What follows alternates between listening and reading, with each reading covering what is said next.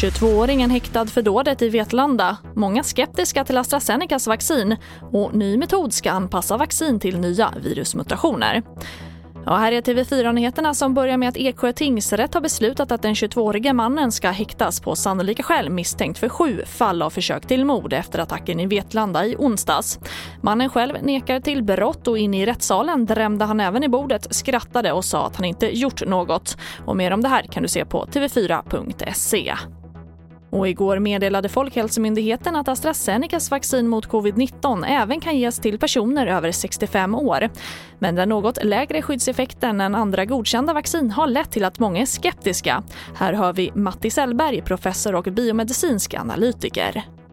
Astra har haft lite otur i eh, just det att de har, data har kommit lite eh, för sent och sådär. Så att, men det, det, är ju inget fel på vaccinet där. Jag tycker inte alls att det är, finns en orsak att man inte skulle ta det utan det, är, det här vaccinet kommer att hjälpa till att vi får kontroll på den här pandemin och det kommer att göra att vi kan eh, i sinom tid gå tillbaks till någorlunda mer normalt liv.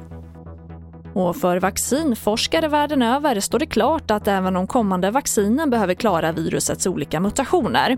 För närvarande forskas det på 250 olika vaccin mot covid-19 runt om i världen, men bara några få kommer att lyckas.